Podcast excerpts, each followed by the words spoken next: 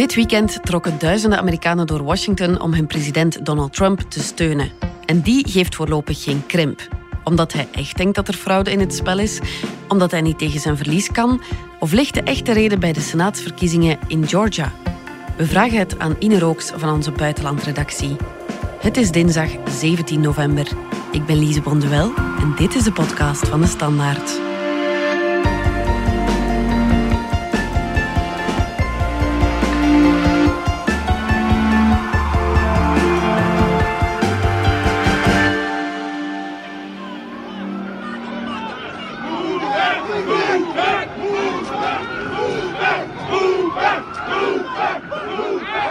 Dag Ine, op de Million MAGA March om president Trump te steunen. Jij was daar als journalist aanwezig.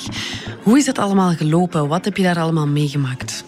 Ja, inderdaad. Um, dat was uh, een grote mars die zaterdagmiddag is begonnen en tot in de vroege uurtjes heeft geduurd van zondagochtend.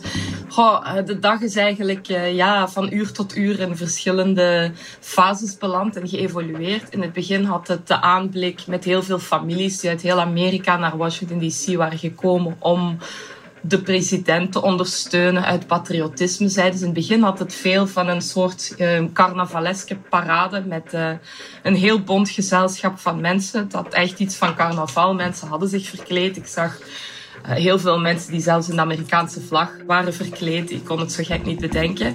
Het was uh, toen een vrij uh, ja, gemoedelijke sfeer. Er waren geen tegenbetogers en er waren, zoals ik al zei, heel veel families. Maar ja. dan is de mars beginnen vertrekken van op Freedom Plaza waarop, ja, het werd dan wel de Million MAGA, Make America Great Again March genoemd. Maar volgens de politie waren er geen miljoen betogers, maar wel uh, een 10.000. En dan zijn ze beginnen lopen in de richting van het Supreme Court, het machtige Hooggerechtshof dat uh, ook in Washington DC in het hart daarvan ligt en uh, waarvan de Trump-betogers verwachten dat uiteindelijk het Hooggerechtshof zal ingrijpen mm -hmm. om het verkiezingsresultaat om te buigen in de richting van Trump. En dan ben ik een stukje mee gaan lopen in die richting en dan heb ik meteen de Proud Boys gezien. Uh, voor het eerst in vol ornaat. Dat is een... Okay een alt-right knokploeg die zich uh, ja, de boots on the ground of het straatleger van Trump noemt. Um, je herinnert je misschien dat in een van de twee presidentiële debatten op een bepaald moment Trump de vraag kreeg of hij witte nationalisten en milities veroordeelde. Are you willing tonight to condemn white supremacists and militia groups sure. and to say that they need to stand down and not add to the violence in a number of these cities, as we saw in Kenosha and as we've seen in Portland. En dan zei hij zelf, Proud Boys. Stand back and stand by. Hou afstand, maar blijf wel paraat. Ik heb ook uh, twee, minstens twee opstootjes gezien die even lelijk werden. Mm -hmm. En dan zag ik meteen dat er tientallen Proud Boys uh, op de frontlinie stonden, mm-hmm. klaar om erin te springen. Die Proud Boys, het was dan een beetje ironisch, hadden niks aan lof voor de politie.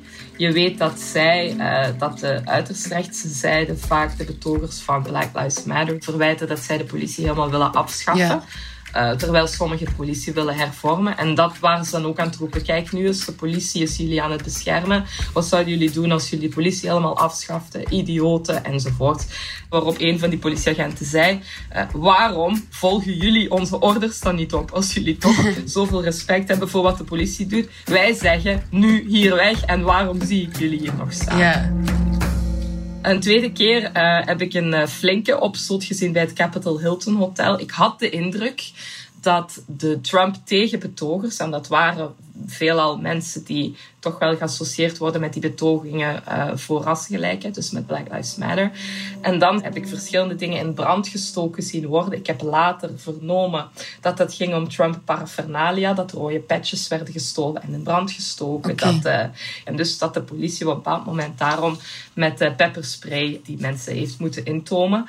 Er zijn twintig arrestaties gebeurd. Er zijn uh, bij die twintig arrestaties vier mensen ook opgepakt wegens uh, ongeoorloofd wapenbezit. zit. Dus uh, ja, het had erger kunnen aflopen. Je zag mhm. die twee versies van Amerika en de twee Amerika's die een compleet ander gevoel hebben bij deze verkiezingen. Op het moment de lijnrecht tegenover elkaar staan. Ja, maar moeten we daarvan schrikken dat de sfeer daar grimmiger wordt? Of is het eh, ergens, wanneer extremen van beide kanten elkaar ontmoeten, mhm. Ontstaan er ook wel vaak rellen? Of hoe moeten we dat zien? Zeker, ja, heel goede vraag. het is heel typisch enerzijds voor Amerikanen om op straat te komen en hun, hun rechten te claimen en hun opinie heel duidelijk te maken. Het is een vrij luidruchtig volk en ze zeggen wat ze vinden en ze zijn heel talkative. Ze zijn doorgaans heel makkelijk om mee te praten. Met Trump-supporters zaterdag was dat niet altijd even makkelijk, want ja, als je vier jaar lang een president hebt die um, journalisten wegzet als de leugenpers en uh, als de manipulatoren. You know you're a fake. You know that. Your whole network, the way you cover it, is fake. What do you say to Americans who are watching you right now who are scared? Uh, I say that you're a terrible reporter. It's so disgraceful the way you say that. I think it's a very nasty question. It amazes me when I read the New York Times is not even, I don't I barely read it. You know, we don't distribute it in the White House anymore. Instead of asking a nasty, snarky question like that, you should ask a real question. The media would like to see me do poorly in the election. And you ought to get back to reporting instead of sensationalism. I think it's very clear that there are people in your profession that write fake news. You do. She does. That's really bad reporting. Nu zijn wij journalisten ook degene die Biden onterecht zouden hebben uitgeroepen als president-elect. Mhm. Terwijl dat een traditie is dat als er genoeg kiesmannen geteld zijn, dat maakte wel dat, uh, dat journalisten uh, zaterdag en zondag en eigenlijk deze hele kiescampagne al extra op hun tellen moesten letten. Ja. Als ik dan uh, dit weekend op straat en die nacht was aan het rondkijken. Het is toch wel wat, hè, dat je zoveel emotie, zoveel woede en frustratie ziet opborrelen. Mensen die uh, soms neus aan neus, met of zonder masker, by the way, uh, uh, terwijl de besmettingen ook hier de pan uitswingen. Ja. Neus aan neus tegen elkaar ziet staan, heel luidruchtig, heel passioneel met elkaar discussiëren, op de vuist gaan, brandstichtingen, arrestaties. Ja er was een man foto's aan het maken, een, eh, een, een hobbyfotograaf die eigenlijk in de software werkt voor, uh, voor de overheid. En hij zei, dit is nog maar het resultaat van vier jaar Trump. Uh, wat als dat acht jaar had geweest? Ja. Trump heeft dit aangevuurd. Ja, de laatste jaren heeft hij dit aangevuurd. Dus ja, dat klimaat dat er nu is, dat giftige, toxische klimaat van heel veel woede, frustratie en heel veel emotie, dat veel Amerikaanse burgers ook heeft uitgeput emotioneel, dat heeft Trump aangevuurd. Begrijpen beide kanten dan niets van elkaar? Um, dat is een deel van het verhaal. Wat ik zelf ook zeker heb gezien, is dat uh, naarmate het kouder werd en de politie de situatie behoorlijk goed in de hand hield, mm -hmm. heb ik op verschillende straathoeken Trump-supporters met Black Lives Matter-betogers gigantisch gedetailleerde discussies horen voeren, mm. praten. Het sloeg niet altijd op veel, mm -hmm. maar er werd wel gepraat en, en er was wel goodwill aan beide kanten. Okay, now we get rid of we get rid of, of slavery, but you still have a situation, a, a situation that has Jim Crow for the next 75 years. Let me ask you this: Do you know what a meritocracy is? I was meritocracy. There. Yes. It was good whenever. We do not live in a meritocracy. Dus dat was dan ook weer een deel dat ik uh, tot hiertoe niet in de persverslagen erover nog gelezen heb.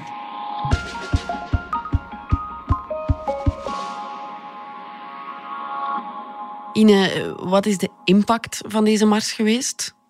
Ja, wat moeten we hier nu van maken? Dit is geen grote gamechanger. Hè?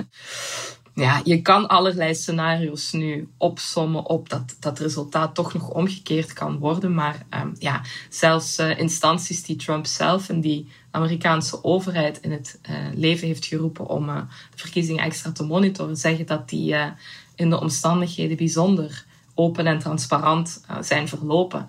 Maar herinner je, uh, deze president heeft al voor um, de verkiezingen in uitzonderlijke tijden in deze COVID-pandemie plaats zouden vinden, al heel veel gedaan om wantrouwen en uh, verdachtmakingen te creëren rond het stemmen per post.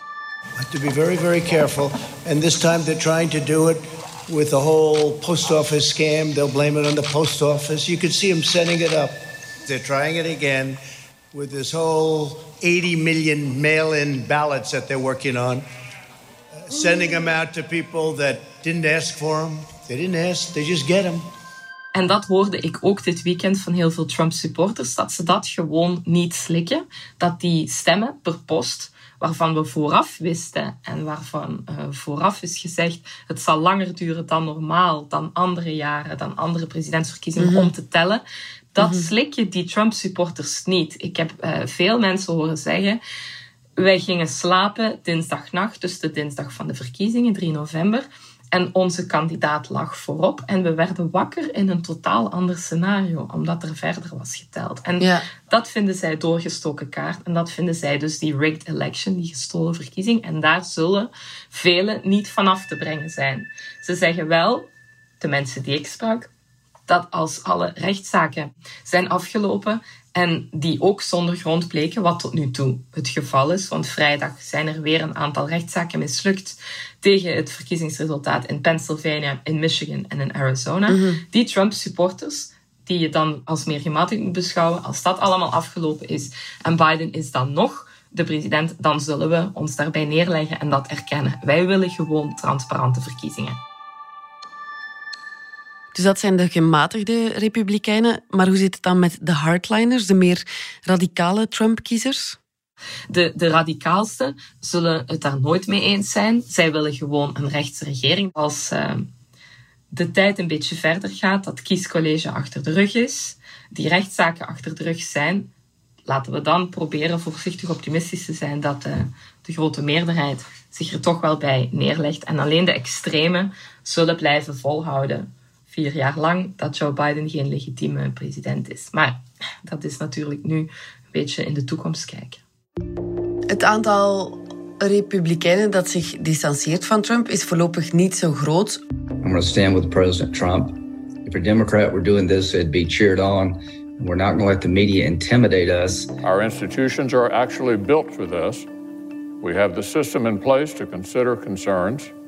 And President Trump is 100% within his rights to look into allegations of irregularities and weigh his legal options. There will be a smooth transition to a second Trump administration.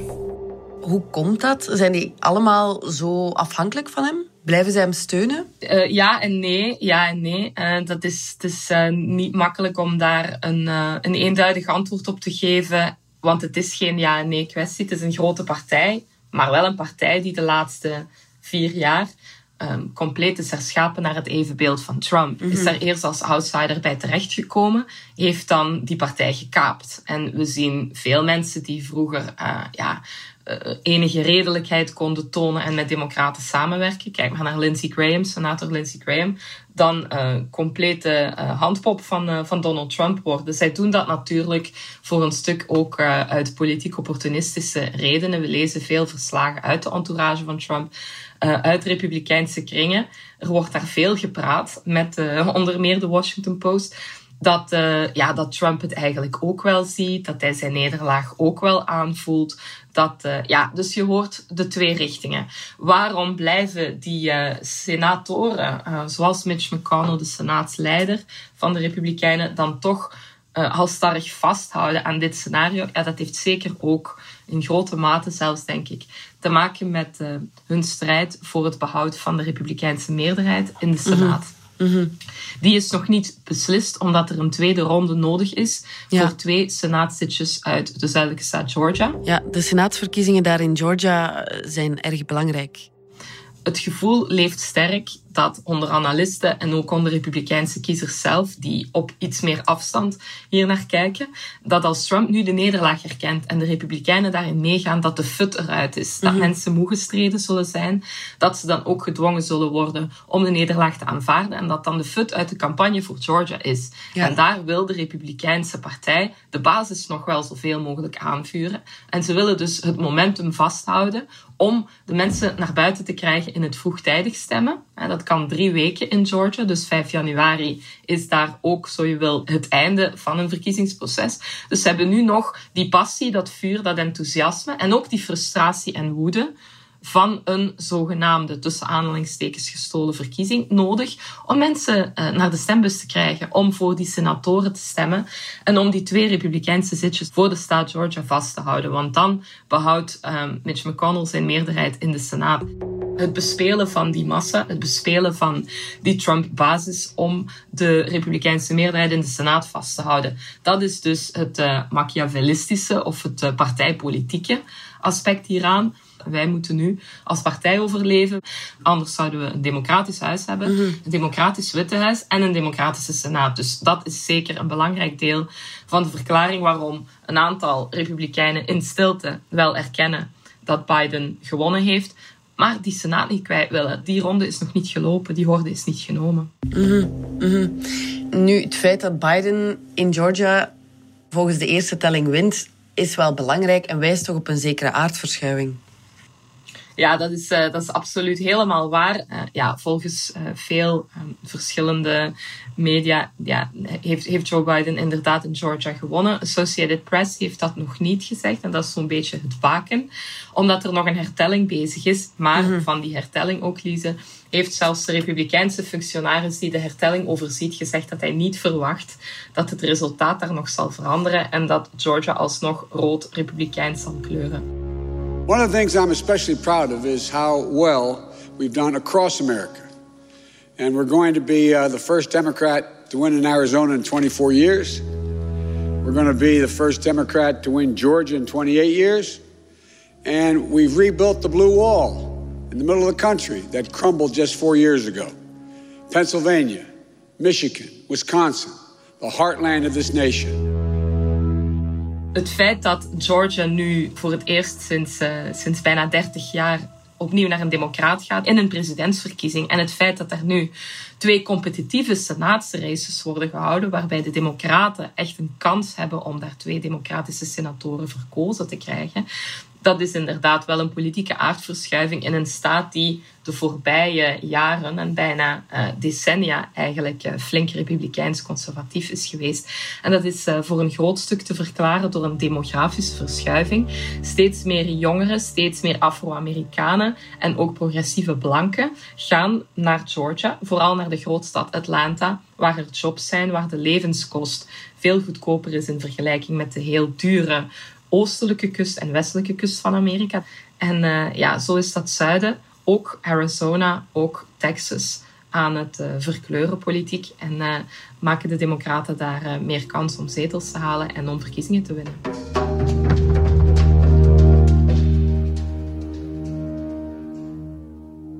Voor Biden is het natuurlijk geen cadeau dat hij niet echt werk kan beginnen maken van zijn presidentschap en dat de machtsoverdracht maar geen begin maakt. Ja, de formele transitie alleszins toch niet. Hè? Terwijl wij deze podcast nu opnemen, mhm. heeft uh, de dienst die dat formeel moet uh, ratificeren of certifiëren en geleid wordt door een Trump-getrouwe, dat nog altijd niet gedaan. Dat is uh, eigenlijk tegen elke norm in. Dat is bijzonder in strijd met andere transities. We are already beginning the transition. We're well underway. And nothing is going to stop that. And, uh, and so I'm confident that uh, the fact that they're not willing to acknowledge we won at this point is uh, not of much consequence in our planning and what we're able to do between now and January 20th.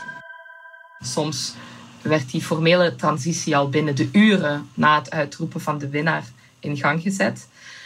En dat is natuurlijk niet zonder risico. Uh, we moeten daar zelfs niet te ver uh, voor teruggaan in de geschiedenis denk aan het jaar 2000 toen de presidentsverkiezing tussen George Bush en Al Gore vertraging heeft opgelopen omdat die verkiezing uiteindelijk mhm. is aangevochten en is beslecht door het Supreme Court, het Hoge Rechtshof.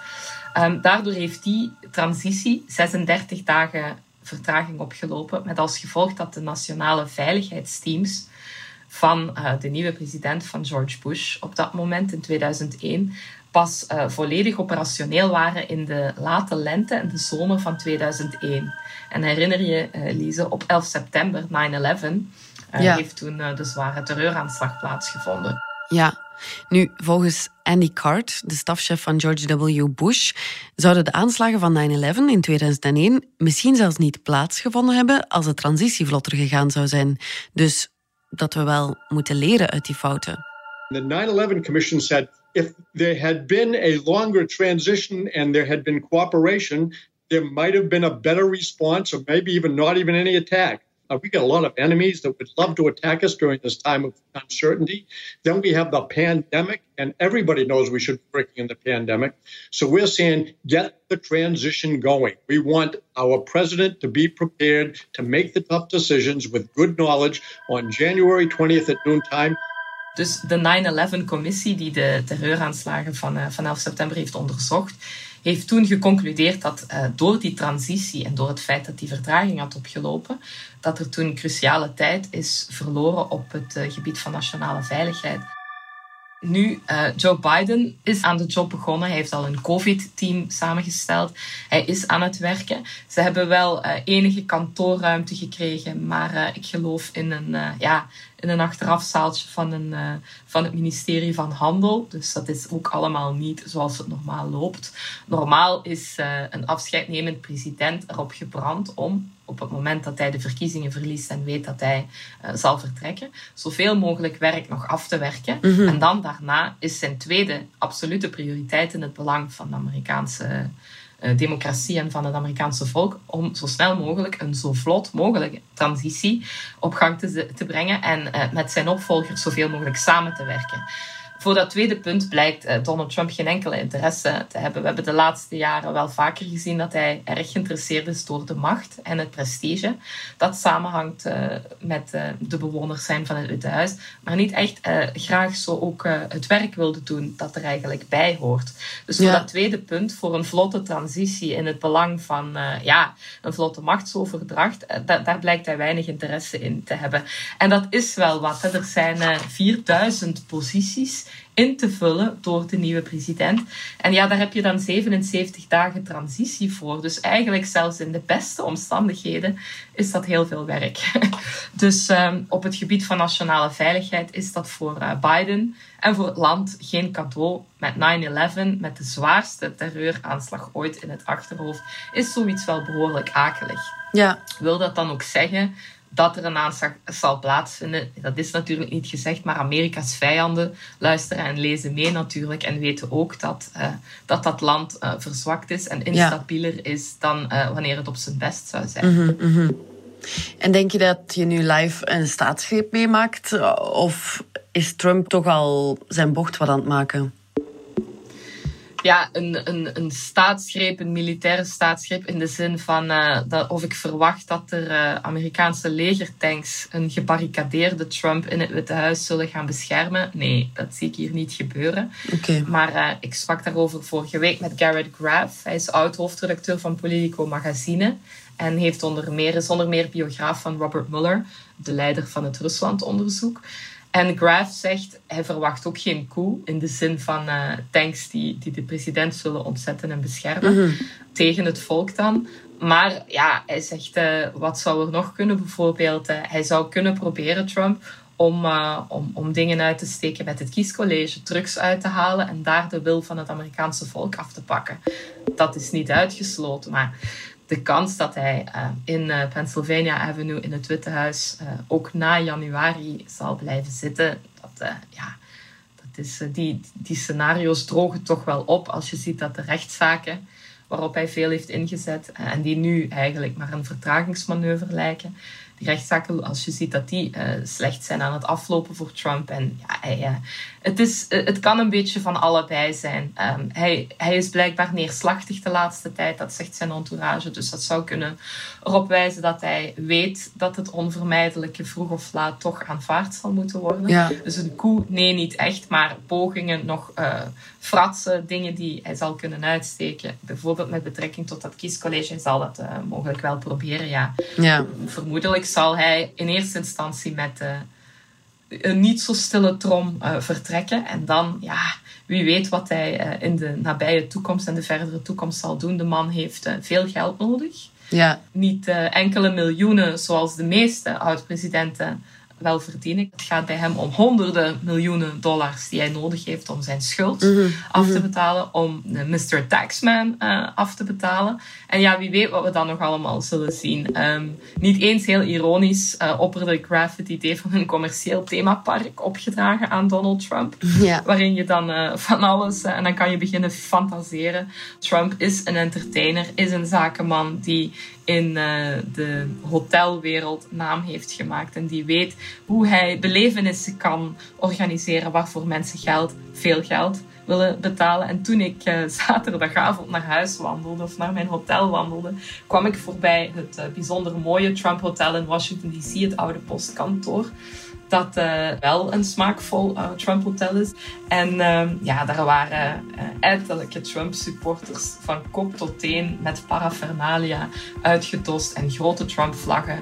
En toen dacht ik zo, wie weet heeft Garrett Graff wel eens gelijk. Dit kan ook een etappe in Trumpland zijn. Het mm -hmm. nieuwe commerciële themapark van de, van de binnenkort oud-president van Amerika. Mm -hmm. Iedereen, dankjewel. Graag gedaan. Dit was de podcast van de Standaard. Bedankt voor het luisteren. Wil je reageren? Dat kan via podcast.standaard.be. Alle credits vind je op standaard.be-podcast. Morgen zijn we er opnieuw.